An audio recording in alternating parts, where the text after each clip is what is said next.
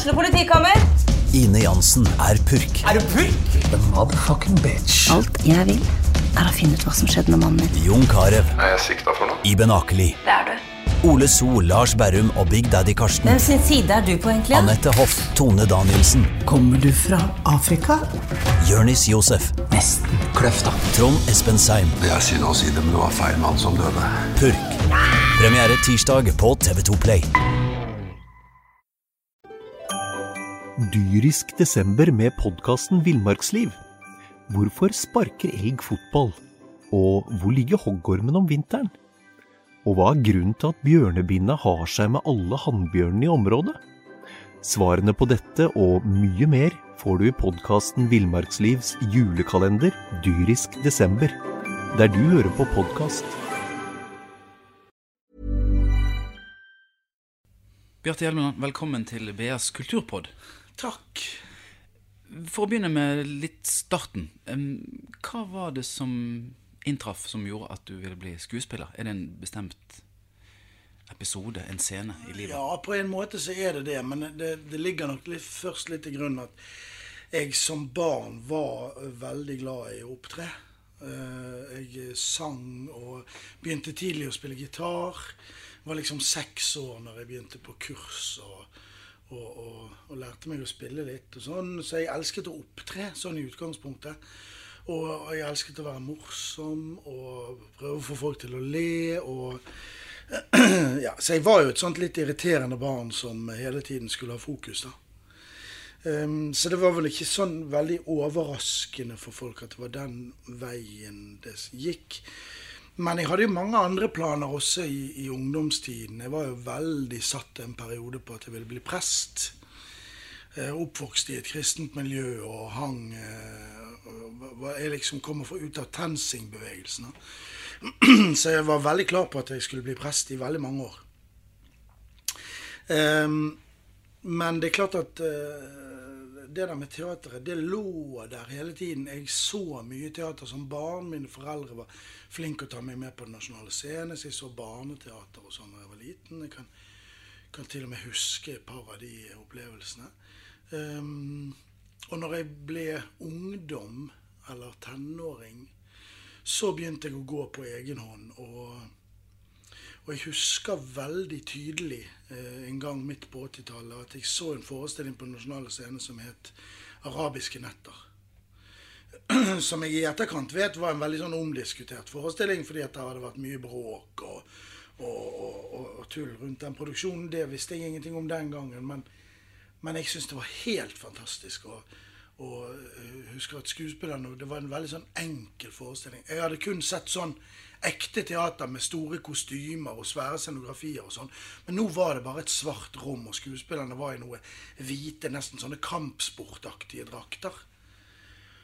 Og de satt og dinglet med beina på scenekanten når vi kom inn. Og vi var sikkert en prøveforestilling, og jeg var der med klassen min og sånn. Og jeg husker at de liksom satt sånn og pratet med oss og spurte hvilken skole vi kom fra. Og sånn, og så, og så så den ene på den andre og så sa han, nei, skal vi, skal vi gå i gang, eller? Ja, vi gjør det. Og så begynte de å spille. Og så brukte de bare hverandre som rekvisitter. Og, og, og så fortalte de Dette var jo bygget over 1001 natt-historiene. og da var jeg på en måte solgt, altså. Og dette var eh, Jeg kan ha vært 15-16 år. Og det var eh, Jeg kjente liksom umiddelbart at dette her har jeg lyst til å holde på med.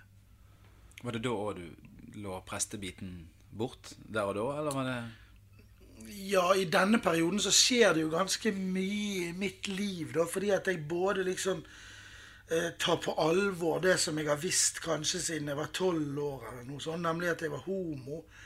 Og, dem, og, det, og du vet, på 80-tallet Jeg visste ikke om noen som var homo. Jeg, jeg, visste om Anders Rogg, for øvrig, som, eh, som var så kjent fordi at han var på barne-TV, og var, eller på ungdoms-TV, var det vel kanskje, en slags på, på, på halv sju, og gjorde og var med Tramteater og sånn. Og han var jo den eneste åpne homoen jeg visste om. Jeg visste ikke engang om Kim Friele.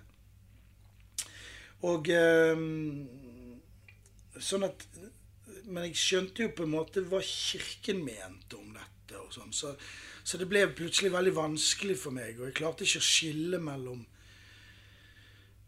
mellom hva som var kirkepolitikk og hva som var min egen tro, på en måte. Så jeg rotet det der sammen i en eneste grøt. Så jeg ble veldig sint både på kirken og på eh, I hvert fall på Gud. Til og med litt på Jesus, tror jeg. Fikk gjennomgå litt der.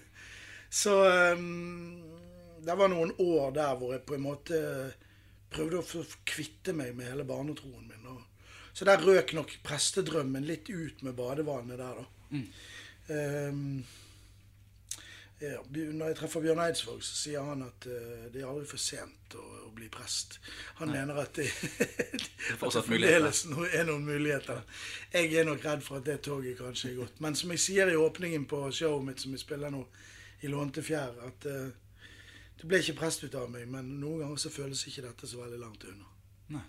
Eh, Hvordan var det å komme ut av skapet på den tiden som du sa det var Du visste i hvert fall veldig om Lite om andre. Ja, altså Det var både lett og vanskelig på en gang. Fordi at man skulle på en måte ta den avgjørelsen, og på et tidspunkt hvor man er veldig sårbar, kanskje, og, og, og sånn. Men samtidig så var jo jeg en nokså grunntrygg fyr. Jeg, jeg, jeg var rimelig selvsikker og, og sånn. Og jeg, jeg hadde ikke liksom Jeg hadde ikke de der problemene som veldig mange mennesker har akkurat i den i tenårene at man er fryktelig sjenert eller føler seg veldig teit eller noe sånt. Jeg, jeg, jeg, hadde det egentlig ganske ok. Eh,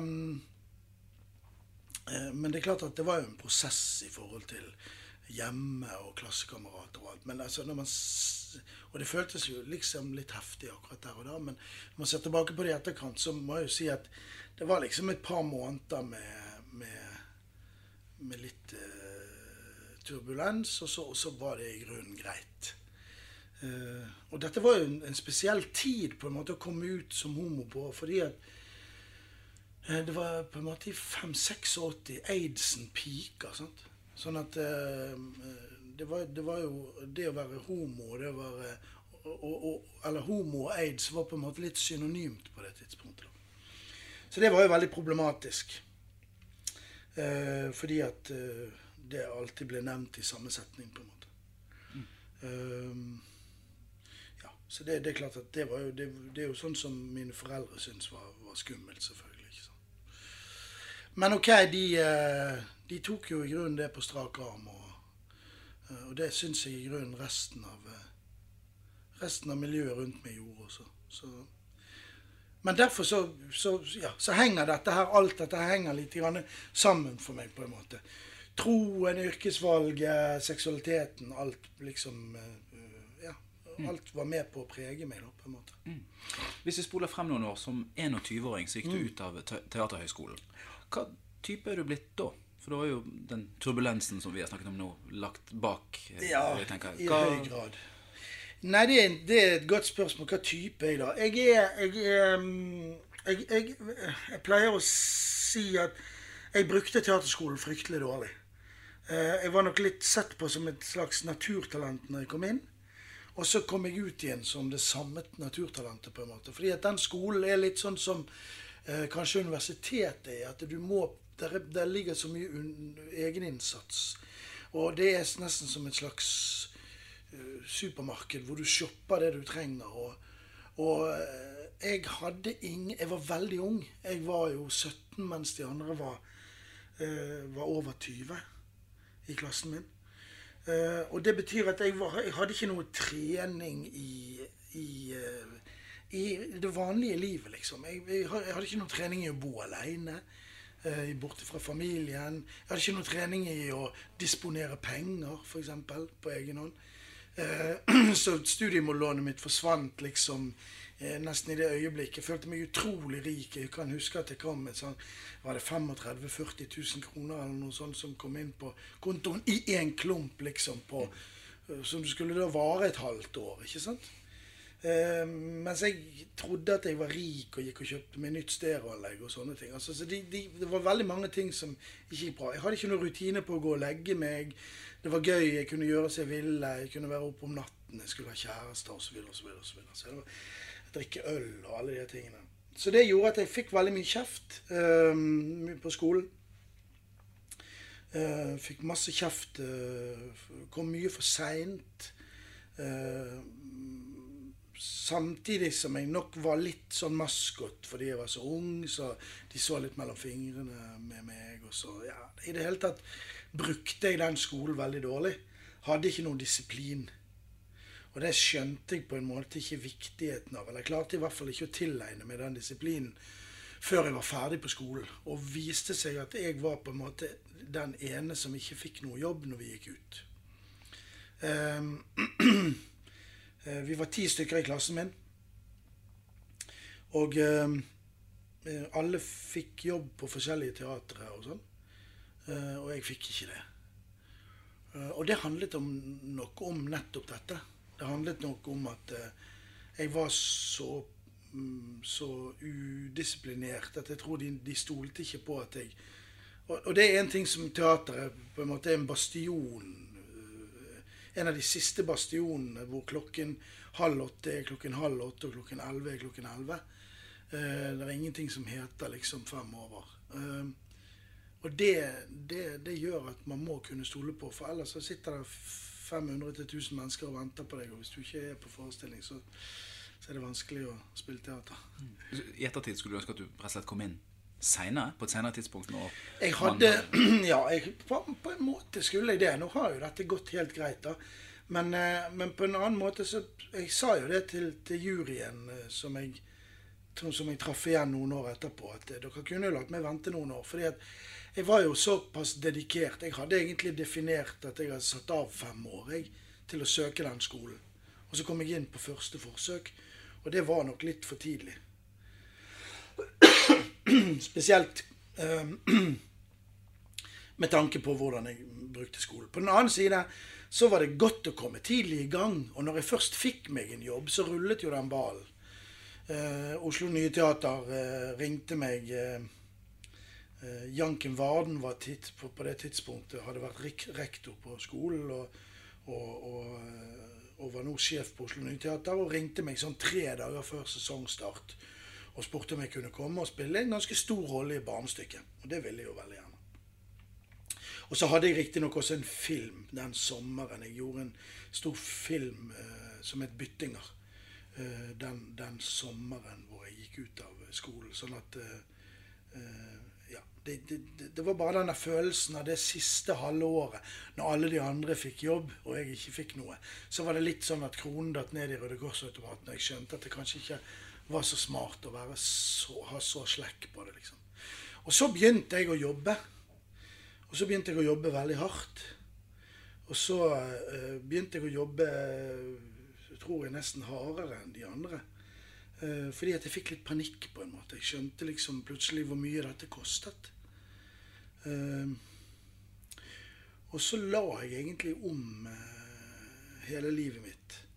Og så, og, så, og så ble jeg skuespiller på en måte. Med alt det det, alt det, det innebærer av, av både disiplin og livsstil og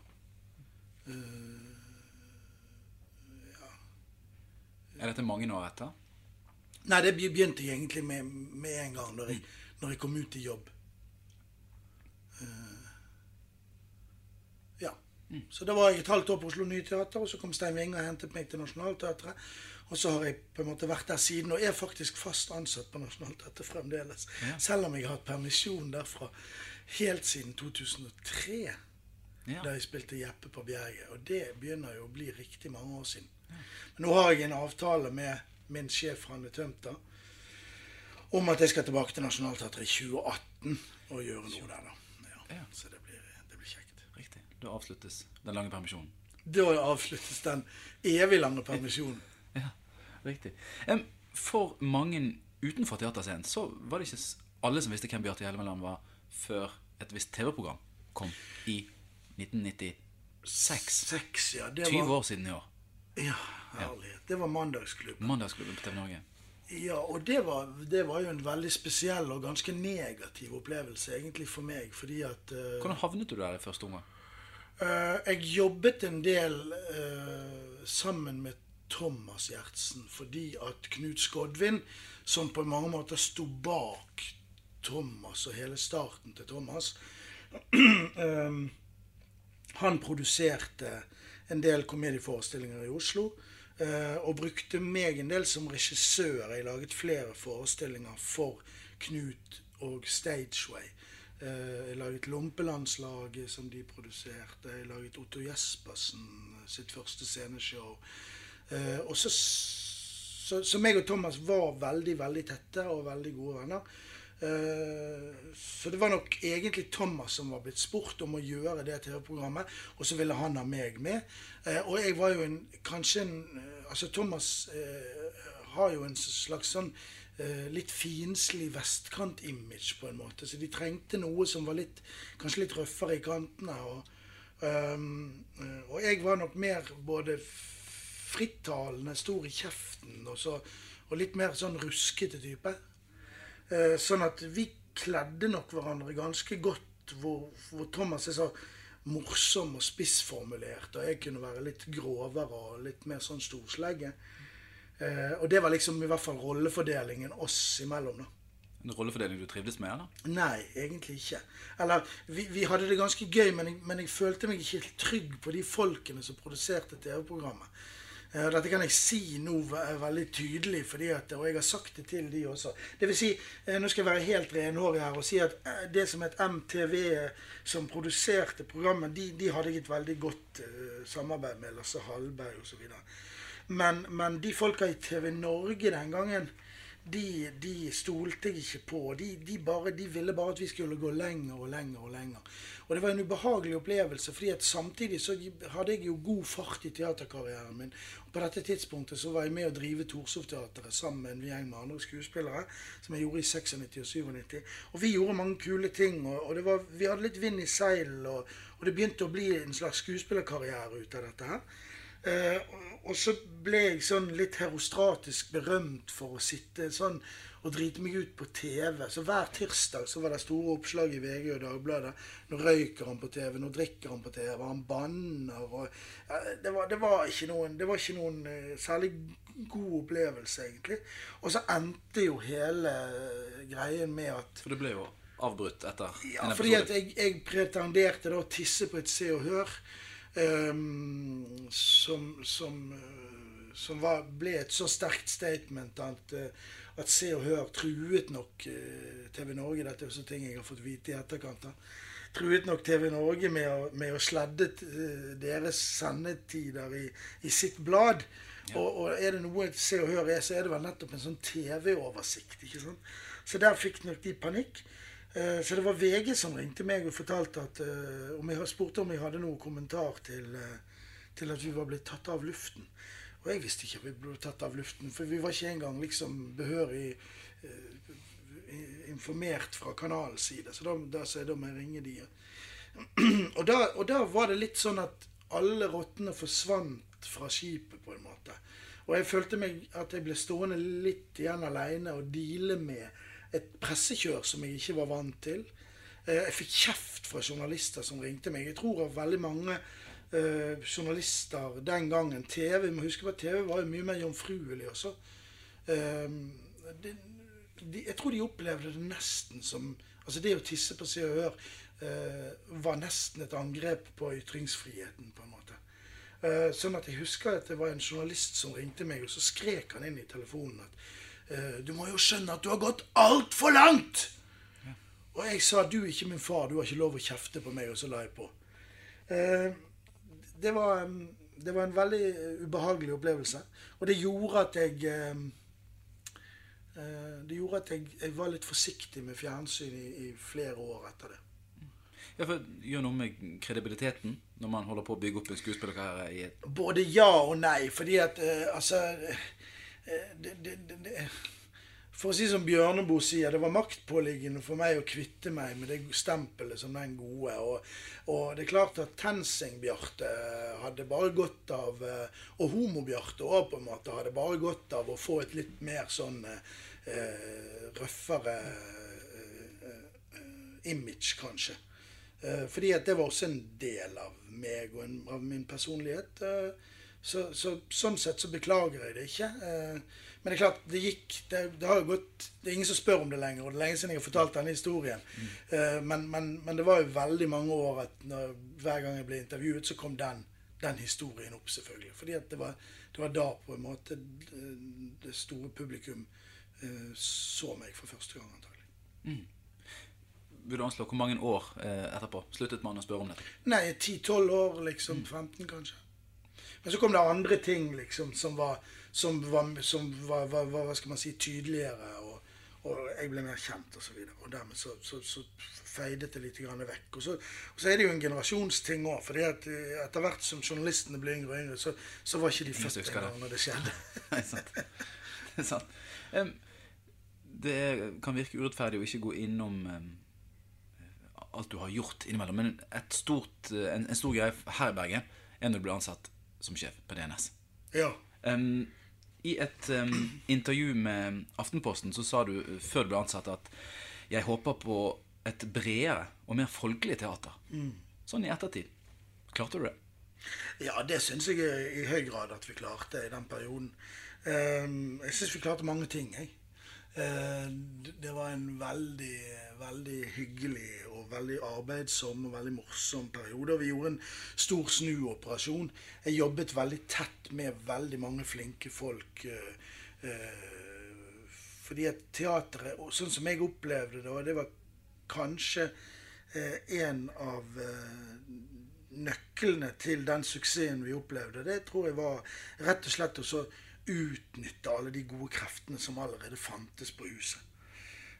jobbet veldig tett sammen med en glimrende informasjonssjef som heter Ole Klemsdal, som, som, som, var, som, var, veldig viktig for meg fordi at han eh, han nesten virket som en spinndoktor. Selv om vi jobbet veldig bredt og folkelig og var opptatt av å få veldig mange folk inn i, i salongen, og sånn, så gjorde vi et par vågale stunts også. F.eks. å sette opp Eh, black metal-musikalen 'Svartediket' og hyre Christian Gahl, som var voldsdømt i en av hovedrollene. Jeg hadde både biskopen og festspillsjefen rimelig opprørt på mitt kontor om morgenen, som sa at 'hva i all verden er det du driver med, mannen er gal', og, og, og eh, det, det var, og, og, vi måtte tenke gjennom mange ting som heter hvordan hvordan eh, forholder vi oss til eh, det faktum at eh, at, at Christian i en, radio, nei, i en fjernsynsdokumentar i Amerika for flere år siden hadde oppfordret til kirkebranner. Og, og, og hva, hva, gjør vi i løpet av spilleperioden hvis det plutselig brenner i en kirke? Fordi da kommer de til, nødvendigvis til å, til å henvende seg til oss. Og der var Ole Klemsdal helt fantastisk, fordi han, han, lå alltid foran. Uh, han, kunne, han, kunne, jobbet med uh, Erna Solberg, han kunne jobbet med Obama. fordi det er akkurat de der folkene som, som ligger foran oss, og som sørger for at, at du vet hva som ligger rundt neste sving, og hvordan du skal handle det. Og, og, faktum var jo at i løpet av spilleperioden Jeg hadde tre dager fri og var i Oslo. Gikk på gaten og fikk en telefon fra den samme Ole som sa det brenner i en kirke på Hamar. Nå ringer de deg om to minutter. Og det var bare Det gikk bare akkurat to minutter, så var både din avis og den andre avisen, den unevnelige andre Bergensavisen, den var, var også på, eh, på, på telefonen. Og da, da, hadde vi, da lå vi i forkant og visste hva vi skulle svare. Eh, så det var bra. Og, og, i tillegg til Ole så var det veldig mange andre flinke folk. En glimrende salgsavdeling som gjorde en fantastisk jobb, og som, eh, og som, som vi jobbet veldig tett med. Som bare simpelthen trengte å og, og vite hva det var de skulle selge, og, og, og forstå på en måte uh, hele innholdssiden. Og det brukte vi mye tid på. Fikk ansatt en glimrende dramaturg, Solrun Toft, som, som, også gjorde en kjempeløft i forhold til innholdssiden. og uh, ja, jobbet superfint med Øyvind Eskilsen, som nå siden dessverre er blitt, blitt oppsagt. og Eh, veldig mange veldig veldig viktige folk som, som, som, som dro lasset sammen med meg. Og ikke minst, som jeg alltid nevnte, nevnte først da jeg var sjef, skuespillerne. Som jeg syns hadde en enorm utvikling. For det la meg ganske mye i selen for å rett og slett forsøke å, å sørge for at hver og en av de Man klarer ikke det, klarer ikke å gjøre alle til laks hele tiden. Men, men i hvert fall forsøke å tenke at hver og en av de skal ha en, en, en del spennende utfordringer i løpet av et år. Og det syns jeg vi klarte veldig langt på vei. Så det var interessante år. Vi fikk snudd skuten både økonomisk og, og ikke minst publikumsmessig. Um, og så hadde vi det gøy. Vi lo mye. Uh, og det var superfint uh, miljø på teateret. Så det, var, det, var, anstrengende for meg. Um, fordi at jeg hadde jo livet mitt og samboeren min i Oslo og sånn. Um, så det var mye sånn ja, det var litt pendling frem og tilbake. og, og sånn. Det, det, det, gjorde at jeg, jeg valgte å, å, si etter fire år at nå, nå er det nok. Um, og det, det, føles jo også riktig når jeg ser tilbake på det. Mm. Du var en leder som gikk eh, på alle mulige måter all in. Mm. I, i, du sto mye på scenen. Mm. Var det på et tidspunkt at det ble for mye? Ja. Det, altså, du, du, var der døgnet rundt? Ja, det var veldig mye på teateret. Og det er klart at når du spiller såpass mye, som tar mye krefter, og er instruert en del også, så er det klart at det Det, det hadde ikke gått. Jeg kunne ikke gjort fire nye år på den måten. Jeg kunne ikke gjort to nye år engang på den måten. Da måtte jeg på en måte funnet en annen måte å organisere det på. Men jeg kunne gå all in, som du sier, i, i akkurat de fire årene. Um,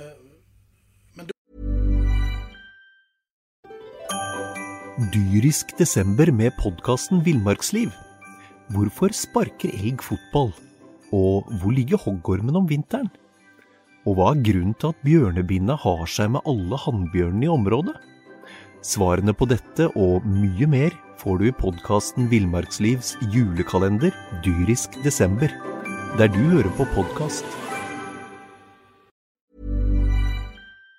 Da var ikke det mer krefter igjen på en måte. fordi da, du, du, blir trøtt på en eller annen teit måte. Så jeg, det var mange ting jeg måtte velge bort, liksom. Sant? Ser også når jeg ser tilbake på bilder av meg sjøl. Jeg, jeg, går kraftig opp i vekt og, og blir litt sånn chubby. Så ikke får jeg trent. Og kompenserer eh, for stresset med å kose meg med, med rødvin og sjokolade om kvelden. Altså det, det, det, det, er litt sånn eh, det, har en del sånne sider. da. Når du gikk inn i jobben, var det noen ledere som du eh, strakk deg etter andre forbilder andre steder, eller gikk du inn i den lederrollen og formet den sjøl? Nei, det, det, tror jeg ikke jeg gjorde. Jeg, jeg, jeg, har jo jobbet på institusjonsteater i hele mitt voksne liv. Så jeg har jo sett på en måte sjefer som jeg syns fungerer, og sjefer som jeg syns ikke fungerer. Sånn at jeg hadde jo helt åpenbart eh, noen, eh, noen forbilder. Eh, den teatersjefen som kanskje har vært viktigst i mitt eget liv, det jo, har jo vært Ellen Horn. Som var sjef på Nasjonal... Eh, jeg begynte riktignok under Stein Winge på Nationaltheatret, men ganske raskt så tok jo Ellen Horn over. Og hun var en sjef som uh, hadde en stor åpenhet. Uh, som var lett å komme i kontakt med. Var mye på teateret. Turde å stille seg uh, i en situa sårbar situasjon Eh, hvor hun ikke alltid visste svaret på, på de spørsmålene vi hadde. Eh, var åpen i forhold til innspill på, på repertoaret sitt osv. Så, så, videre, så, videre.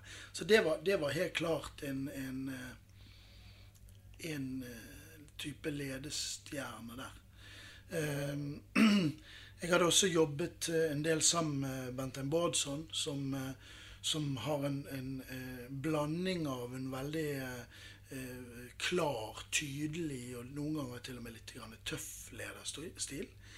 Eh, så jeg hadde nok hentet noe derfra også. Um,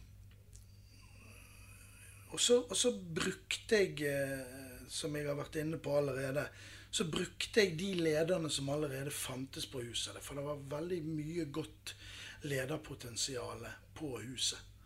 Um, så da, da det, det å gi folk uh, muligheten til å, til å få lov å, å, bestemme, altså det som heter å delegere på den ordentlige måten, uh, det, hadde jeg, det hadde jeg også stor glede av. Og når folk får ansvar, så tar de ansvar, var min opplevelse. Og, og jeg støttet meg jo veldig. Jeg hadde veldig stor glede av uh, å jobbe tett med f.eks. Øyvind Eskildsen, som, som hadde liksom sine uh, mange og 30 års erfaring. Og, og, og, som alltid var åpen for at jeg kunne ta en telefon til han, eh, ringe han om det så var midt på natten.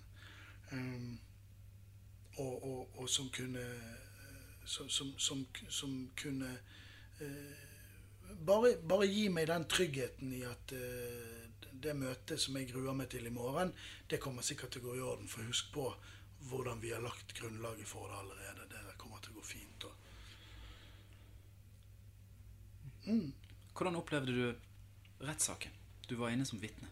Ja, I rettssaken mellom Øyvind Eskildsen og DNS. Hva... Jeg, jeg, liker jo egentlig ikke å snakke om, uh, om, dette. Jeg har egentlig sagt det jeg skal si om, om, om den, den, saken. Det var selvfølgelig en veldig ubehagelig situasjon å være i. At man uh, plutselig sitter uh, ansikt til ansikt med medarbeidere som man har jobbet med bare ett og et halvt år før. og så må man fortelle noen ting som kanskje er riktig ubehagelig. Det, det var ikke noen god opplevelse. Så eh, ja, jeg har vel sagt det jeg mener om den saken. Jeg mener at den rettssaken aldri burde funnet sted. Hva forhold har du til huset i dag? Jeg har det forholdet til huset at jeg eh, ser forestillinger der. Og jeg møter kollegene mine uh, ute på byen. Uh, og så heier jeg på, på forestillingene og opplever at jeg ser veldig mye bra. Mm. Er det en jobb som du noen gang kan komme tilbake til, tror du? Det er ikke mange som har gjort det, men på et senere tidspunkt i karrieren. Det fins eksempler på teatersjefer som har kommet tilbake til det samme teatret. til og med. Olav B. Johannessen har hatt to perioder på Trøndelag Teater osv. Um, ehm, det skal i hvert fall gå lang tid. Uh, fordi at jeg har så mange, mange planer. Uh, om, om, jeg kommer tilbake til Nasjonal Scene, det, det ville være rart, tror jeg. Men, uh, men, men, at jeg en gang skal sitte som sjef for teateret det kan godt hende. Det ser jeg ikke på som utenkelig. Eh, det er så mye i den jobben som er gøy. muligheten til å påvirke ting, muligheten til å igangsette ting. Se at det faktisk blir noe av de planene du har lagt. jeg elsker å, å jobbe med skuespillere. Jeg forstår skuespillere på en eller annen måte. Det er mitt folk, liksom. Så det å kunne gå inn og, i en situasjon og hjelpe til, det, det, hadde jeg veldig sånn personlig veldig stor glede av. At vi, vi, vi, sa at det er ingenting som heter at vi ikke får til forestillingen. Jobb, vi jobber til vi, til vi får det til. Og det koste hva det koste vil, på en måte. Altså, vi, vi, holder på hele natten. Hvis ikke lyset ser ordentlig ut, så, så, gir vi oss ikke før klokken fem om morgenen når folk må sove litt før premieren, liksom. Og, og det, det, det, har en enorm eh, avkastning, syns jeg, det å jobbe så tett på, på så mange folk. Mm. Som du har nevnt, en av grunnene til at du sluttet eh og ikke takket ja til en ny periode på DNS, var din samboer mm. i Oslo. For kort tid siden ble det meldt at det var et brudd. Ja. Eh, hvilken type brudd snakker vi? Dette en som du har både samarbeidet tett med og da vært samboer med i mange år. I 13 år, og vi har hatt det veldig godt. Og så plutselig så gikk det noen år hvor vi ikke hadde det så godt lenger. Ehm, vi har eh, skilt lag på, på en ordentlig og voksen måte eh, som kjærester. Men vi fortsetter vårt samarbeid. Vi er veldig gode venner. Og Terje kommer alltid til å være eh, blant de aller viktigste personene i mitt liv. Um, så vi, eh, vi, snakker mye sammen. Jeg bruker han uh, mye som rådgiver. Det er få som kjenner meg så godt som han gjør, og, og vice versa. Så vi ringer hverandre ofte. Um, og um, har jo uh, veldig mye sammen. Uh, familiene våre er flettet inn i hverandre. Og, og dermed så, så, så man, man, kommer jo ikke fri fra hverandre, selv om vi ikke har barn. og ja, så, så samarbeidet vårt fortsetter. Jeg skal jobbe for hans produksjonsselskap og med han som produsent eh, allerede om et års tid. Og, og vi har også eh, planer eh, for meg videre fremover. Mm. Hvordan tror du det blir på lang sikt, når man har en historie, å jobbe sammen? Jeg kan ikke se det på noen annen måte enn at det bare blir bedre og bedre og bedre. Mm. Jeg tror det der kommer til å gå helt fint. Mm. Vi skal snakke litt om um, soloshowene. Ja. Du solgte 63 000 billetter til Guk og gøy. Um, I Lånte fjær har uh, vært her i Bergen en god periode nå. Uh, men det er få ting som er med videre fra Guk og gøy til I Lånte fjær. Fortell om, om prosessen imellom. Hvilke karakterer som videreutvikles, hvilke som vrakes osv. Det er kun én figur uh, som fikk lov til å overleve på en måte etter Guk og gøy. Og det er Borghild, den gamle damen, som jeg ble veldig glad i, og som på mange måter uh, er i hvert fall en av ytterpunktene i begge forestillingene. Uh, I den forrige forestillingen så var hun så var hun den eldste. Hun er 86 år. og så hadde jeg en 16-åring som den yngste figuren. I dag har jeg gått enda lenger ned med den nye forestillingen. Så spiller jeg da min egen tenkte sønn, Elton Hjelmeland som er oppkalt etter fars yndlingsartist. Mm. Eh, han, er, han, er, syv. Han er seks og et halvt, snart syv. Så um, eh, ja, Så det spennet der, eh, aldersspennet, det er jo noe som jeg har hatt veldig glede av. Ja, Nå skal jeg nevne at jeg har faktisk en 103-åring også i det nye showet mitt, som er, som er Malvin på 103. Jo, nei um, Prosessen uh, det var jo veldig lærerikt da, å gjøre Guko gøy. Fordi at uh, uh, Jeg kjente så tydelig når jeg skulle lage forestilling nummer to, uh, hva jeg ikke skulle gjøre en gang til, og hvordan denne skulle skille seg fra den forrige. Jeg skulle åpenbart ha mer personlig stoff inn i den nye forestillingen. Fordi at de få stedene hvor jeg hadde det i den forrige forestillingen, så merket jeg at det var en del ting som publikum responderte veldig positivt på. Og det, det slo meg og jeg forsto noe som det egentlig har tatt meg lang tid å forstå, nemlig at vi har behov for på en eller annen måte, på et sånn type show, så har vi jo behov for at når man ser et menneske som kler seg ut og skifter figurer så mange ganger som jeg gjør i løpet av en sånn prosess, eller en sånn forestilling, så, så har man behov for å bli kjent med, med det mennesket bak masken, på en måte. Eh, ellers så opplever man en eller annen form for fattigdom i hele uttrykket. Og det, det, det, det tok jeg veldig på alvor. Så dermed så har jeg skrevet mer stoff selv denne gangen vært mer personlig, bruker mitt eget liv som utgangspunkt. Alt det jeg var inne på i sted om å ønske mitt om å bli prest, ligger der. Eh, forteller om min egen familie, forteller om min egen farmor. Eh, hvordan hun påvirket mitt forhold til både sang, musikk og tro og i det hele tatt sånne ting. Um, så, så det, det, det, har nok gjort at denne forestillingen er, er en langt bedre forestilling enn den forrige. Um, det skulle bare mangle. Man lærer jo noe av å, av å lage en sånn ting. Eh, og jeg kjenner det veldig godt også når jeg spiller den, at den er mye lettere, den er mer organisk. Der hvor man måtte jobbe opp en del av numrene og, og, og, på en måte trykke på dem og hjelpe dem frem for at de skulle få den, det uttrykket som, som, de, som, som gjorde at folk lo eller gråt av dem forrige gang der, der, der, går dette lettere. Det går mer av seg selv. Fordi jeg, var, jeg, har vært mer spisset i min måte bestilling både til meg sjøl og til de andre komikerne som jeg har skrevet sammen med. For jeg har brukt mye av de samme folkene da, på tekst. Eh, brukt Ingrid Bjørnov, eh, brukt Pernille Sørensen, Erik Del Barco Soleglad. Eh, og alle de var enige om at det personlige måtte skrus til? Absolutt. og, og og, og, de av de som allerede har fått vært og sett forestillingen, de, de, har jo nettopp trukket frem at det, det, er en, det, er en, veldig styrke ved denne forestillingen. Og det, det, er jo, det er jo en interessant greie, fordi at man står jo som skuespiller hele tiden i en sånn kryssild mellom hvor mye Noen ganger så kan det der å være, å være kjent eller berømt. Det kan nesten stå litt i veien for rollefiguren. ikke sant? Um, fordi at hvis, hvis, du er spesielt kjent for et eller annet, Og kanskje ofte spesielt som komiker, faktisk. fordi at altså, Du kan tenke deg f.eks. En, en skuespiller som, som uh, som Nils Vogt eller Hege Skøyen, som har, som har, gjort så ekstremt signifikante figurer som folk har et forhold til. Eh, når de går inn i en helt annen sammenheng, så henger det noe ved på en måte som, eh, som, som de blir nødt til å ha et helt klart forhold til å enten spille med eller kvitte seg med, på en måte.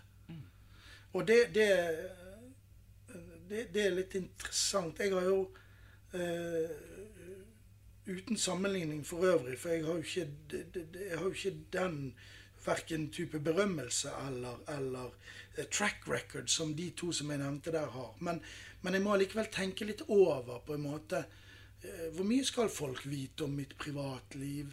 Uh, står det i veien når jeg spiller i, i Mammon, f.eks.? Uh, uh, og så videre, og så videre. Mm. Er det, er det man kan se for eksempel en, en slags uh, Oslo-losen som Harald Eia gjorde. Mm. Som en fyr som han dro ut av det opprinnelige og dro med seg videre. Er det noen av karakterene i ditt uh, i Låntefjær som, som, som, du har lyst til å, å, ha med deg enda videre? Ja, jeg tror jo det at hvis jeg lager et show til om en del år Nå skal jeg nok vente en del før jeg gjør det. Eh, jeg har også fylt opp kalenderen med litt mer sånn, hva skal jeg si, vanlig teater og film i, i, og, i perioden fremover. Men,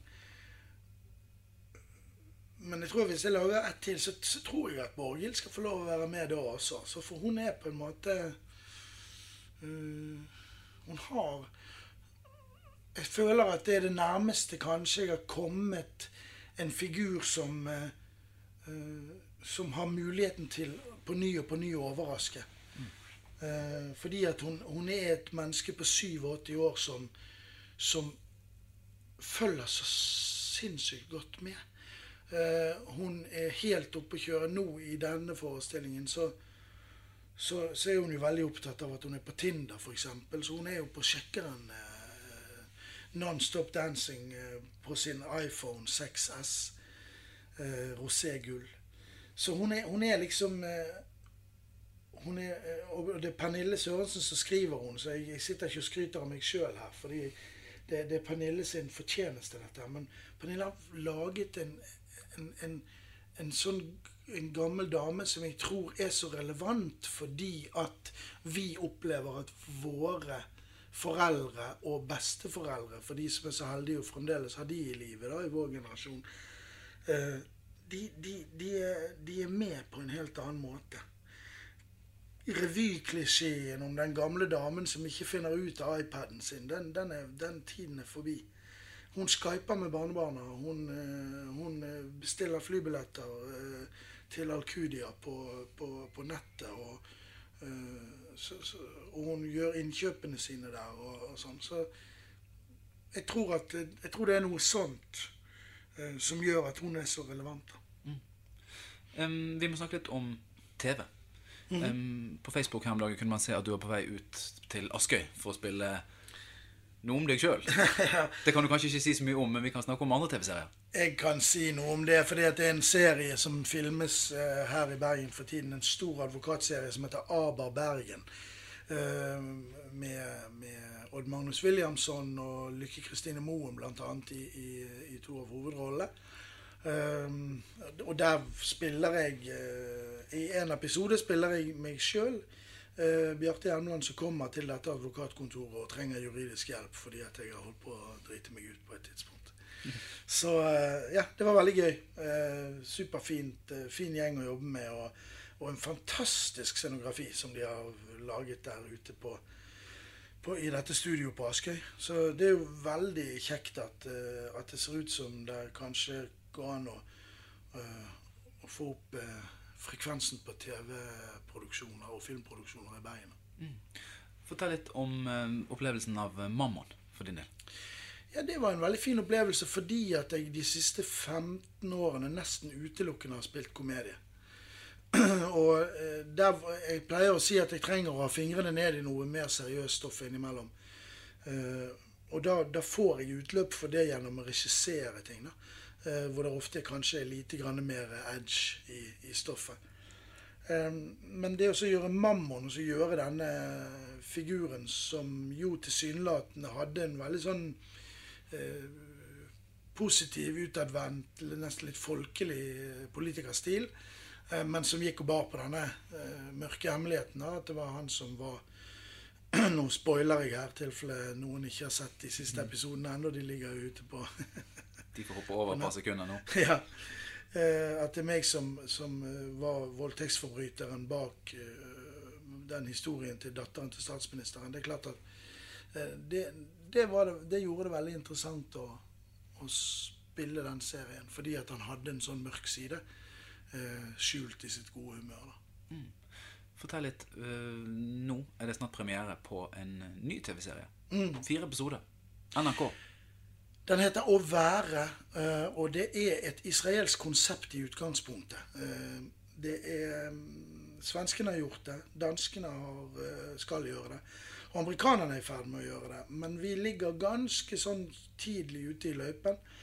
Eh, å være eh, er en slags dokumentarprogram, eller portrettprogram, hvor jeg har valgt meg ut fire berømte nordmenn eh, som jeg eh, følger på helt vanlig eh, måte, som vi har sett mange ganger. Eh, lager et portrett på de henger i skjørtene på dem på jobb. Blir kjent med familien, snakker med mannen, kona, ungene, kollegene. Graver i fortiden, leser meg opp. Mens det som er tvisten her, det er at på et tidspunkt så snur vi kameraet, og så gjør jeg den store maskejobben. Og så blir jeg til vedkommende. Så jeg har lært meg både de Ja, prøver å snakke som vedkommende, tenke som vedkommende se ut som vedkommende. Vi kler oss, eh, kler meg opp som vedkommende. Og så møtes vi i et studio, eh, eller på, på mitt kontor, da. Og så Og så vi intervjuer disse meg som seg sjøl. Ga det mening? Ja. Var det lett å forstå? Metaopplegg. Vi kaller det et reversert intervju. Ja, um, ja litt metaopplegg. Uh, så jeg har gjort fire stykker allerede. Og håper på å gjøre flere hvis vi får tid og penger. Og ratingen blir god, som det heter på TV. Um, jeg har gjort Ingrid Bjørnov, som er først ut. En du kjenner godt? Som jeg kjente godt. Hun var den eneste jeg kjente godt fra før. Um, veldig interessant også å, å, gå i Så opp i, i, et menneske som man kjenner ganske godt, og oppdager nye sider og, eh, og, og ting i historien her som jeg ikke visste. Og, sånn. og så har jeg gjort uh, uh, Fabian Stang. Så har jeg gjort Tore Halvorsen, lead-vokal i Olivers. Ja. Og så har jeg gjort Vinni, rapperen. Mm. Så de fire er liksom De kommer nå søndag etter søndag fremover fra påske og utover. Så det blir spennende å se hvordan det blir tatt imot. Jeg syns det var et utrolig interessant konsept. Fryktelig vanskelig.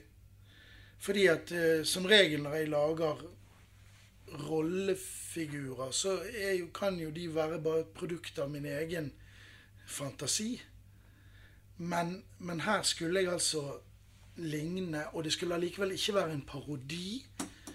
Eh, men jeg skulle altså være personen. Eh, veldig vanskelig. En god del eh, våkenetter eh, pga. det. Eh, men jeg syns vi er kommet i havn med et veldig spennende produkt som jeg gleder meg til å vise til publikum. Mm. Til slutt, hvordan konsumerer du kultur sjøl? Hva ser du på? Hva leser Bjarte Hjelmeland? Jeg leser, For tiden leser jeg en roman som en uh, kamerat av meg har skrevet, som ikke er som ikke er utgitt ennå. Uh, så den kan jeg ikke si så mye om, men jeg kan si at jeg er veldig spent. Jeg har noen sider igjen, og vi skal møtes uh, på lørdag for å, for å diskutere den. Utover det så leser jeg for tiden den romansyklusen til Edvard Hoem, som handler om utvandringen til Amerika. Um, ja. Uh, jeg har vært igjennom Knausgård i sommer. Jeg er jo, i likhet med de fleste andre, så når jeg er i produksjon, så får jeg ikke lest så mye. Men, men når jeg har ferie, så, så, får jeg lest ganske mye. Og jeg er veldig glad i å høre lydbøker. Mm. Så jeg var gjennom Knausgård i sommer. Det hadde jeg aldri trodd at jeg skulle komme til. Fordi at mens hypen var på det verste, så tenkte jeg åh, det der selvopptatte eh, prosjektet der, det, det kommer ikke til å gidde å bruke noe særlig tid på. Men jeg må jo bare si at jeg ble veldig fanget av det. da. Så når jeg var ferdig med bok nummer to, så var jeg helt klar på at jeg måtte gjøre ferdig eh, til og med sekseren. Um, Bruker du kultur eh, i et jobbøyemed? Klarer du å Slapper du av med å se film og lese bøker og se på TV-serier, eller blir det til at man tenker som en skuespiller? Og henter inspirasjon? Ja, jeg tror jeg gjør det. altså. Jeg klart jeg slapper av. Jeg koser meg jo med bøker. Og jeg koser meg med å se på teater, og jeg koser meg med å se film. Men, men, jeg, men, jeg, men det ligger jo hele tiden en sånn liten skuespiller eh, ting som kikker på ting med, med, det blikket. Det må jeg innrømme at jeg gjør. altså. Hver gang jeg leser en ny norsk roman, så eh, så, så, så, er jo liksom tanken der Kunne dette bli en forestilling? Kunne dette bli en film? En TV-serie? Eh, det, det, må jeg innrømme. Og det er klart at det, eh, når jeg ser teater, så ser jeg jo også det med, med, et faglig blikk. Jeg kommer ikke unna det. Men det betyr ikke at jeg ikke kan kose meg med det. Jeg har nylig sett uh, en, en, veldig god forestilling på Nasjonal Scene, nemlig Den er jo dessverre tatt av nå, da, men, uh, men uh, Vår ære og makt gjorde et veldig inntrykk på meg. og jeg har selvfølgelig også med stor interesse fulgt uh, fulgt eh, debatten etterpå. Eh, eh, som jeg syns var, var, interessant. Um, men ja. Nei, jeg, jeg, jeg, opplever nok det å få en kunstopplevelse og en kulturopplevelse vel så mye som påkobling og tilkobling som avkobling, egentlig. Mm. Kjempefint. Takk for at du er tid til å komme. Bjarte Hjelmeland. Det var kjekt å være her. Dyrisk desember med podkasten Villmarksliv. Hvorfor sparker elg fotball? Og hvor ligger hoggormen om vinteren? Og hva er grunnen til at bjørnebinna har seg med alle hannbjørnene i området? Svarene på dette og mye mer får du i podkasten Villmarkslivs julekalender dyrisk desember, der du hører på podkast.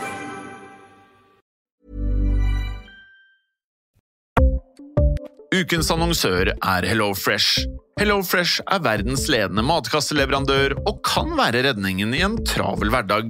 Mange av oss har nok vandret i butikken både sultne og uten en plan for middagen, som ender med at vi går for de samme kjedelige rettene gang på gang.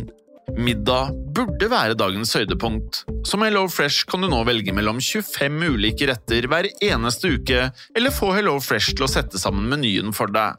Dette gir deg muligheten til å prøve nye og spennende retter alene eller sammen med familien. Du velger antall porsjoner og får alt levert på døren på et tidspunkt som passer for deg. Oppskriftene er enkle, og maten er lett å lage både for store og for små. Ved å få alt levert hjem får du også mer tid til å dele matgleden med familie og venner. Kanskje det frister med asiatiske tacos eller greskinspirert kylling? Da kan jeg anbefale deg om å gå inn på hellofresh.no. Her kan du bruke koden FOTBALL og få opptil 1779 kroner i rabatt på de første fem matkastene hvis du ikke har prøvd Hello Fresh tidligere. Du kan også bruke rabatten hvis du har vært kunde og stoppet abonnementet ditt for tolv måneder siden eller lengre. Gå inn på hellofresh.no og bruk koden FOTBALL. Har du et enkeltpersonforetak eller en liten bedrift? Da er du sikkert lei av å høre meg snakke om hvor enkelt det er med kvitteringer og bilag i fiken, så vi eh, gir oss her, vi. Fordi vi liker enkelt. Fiken superenkelt regnskap.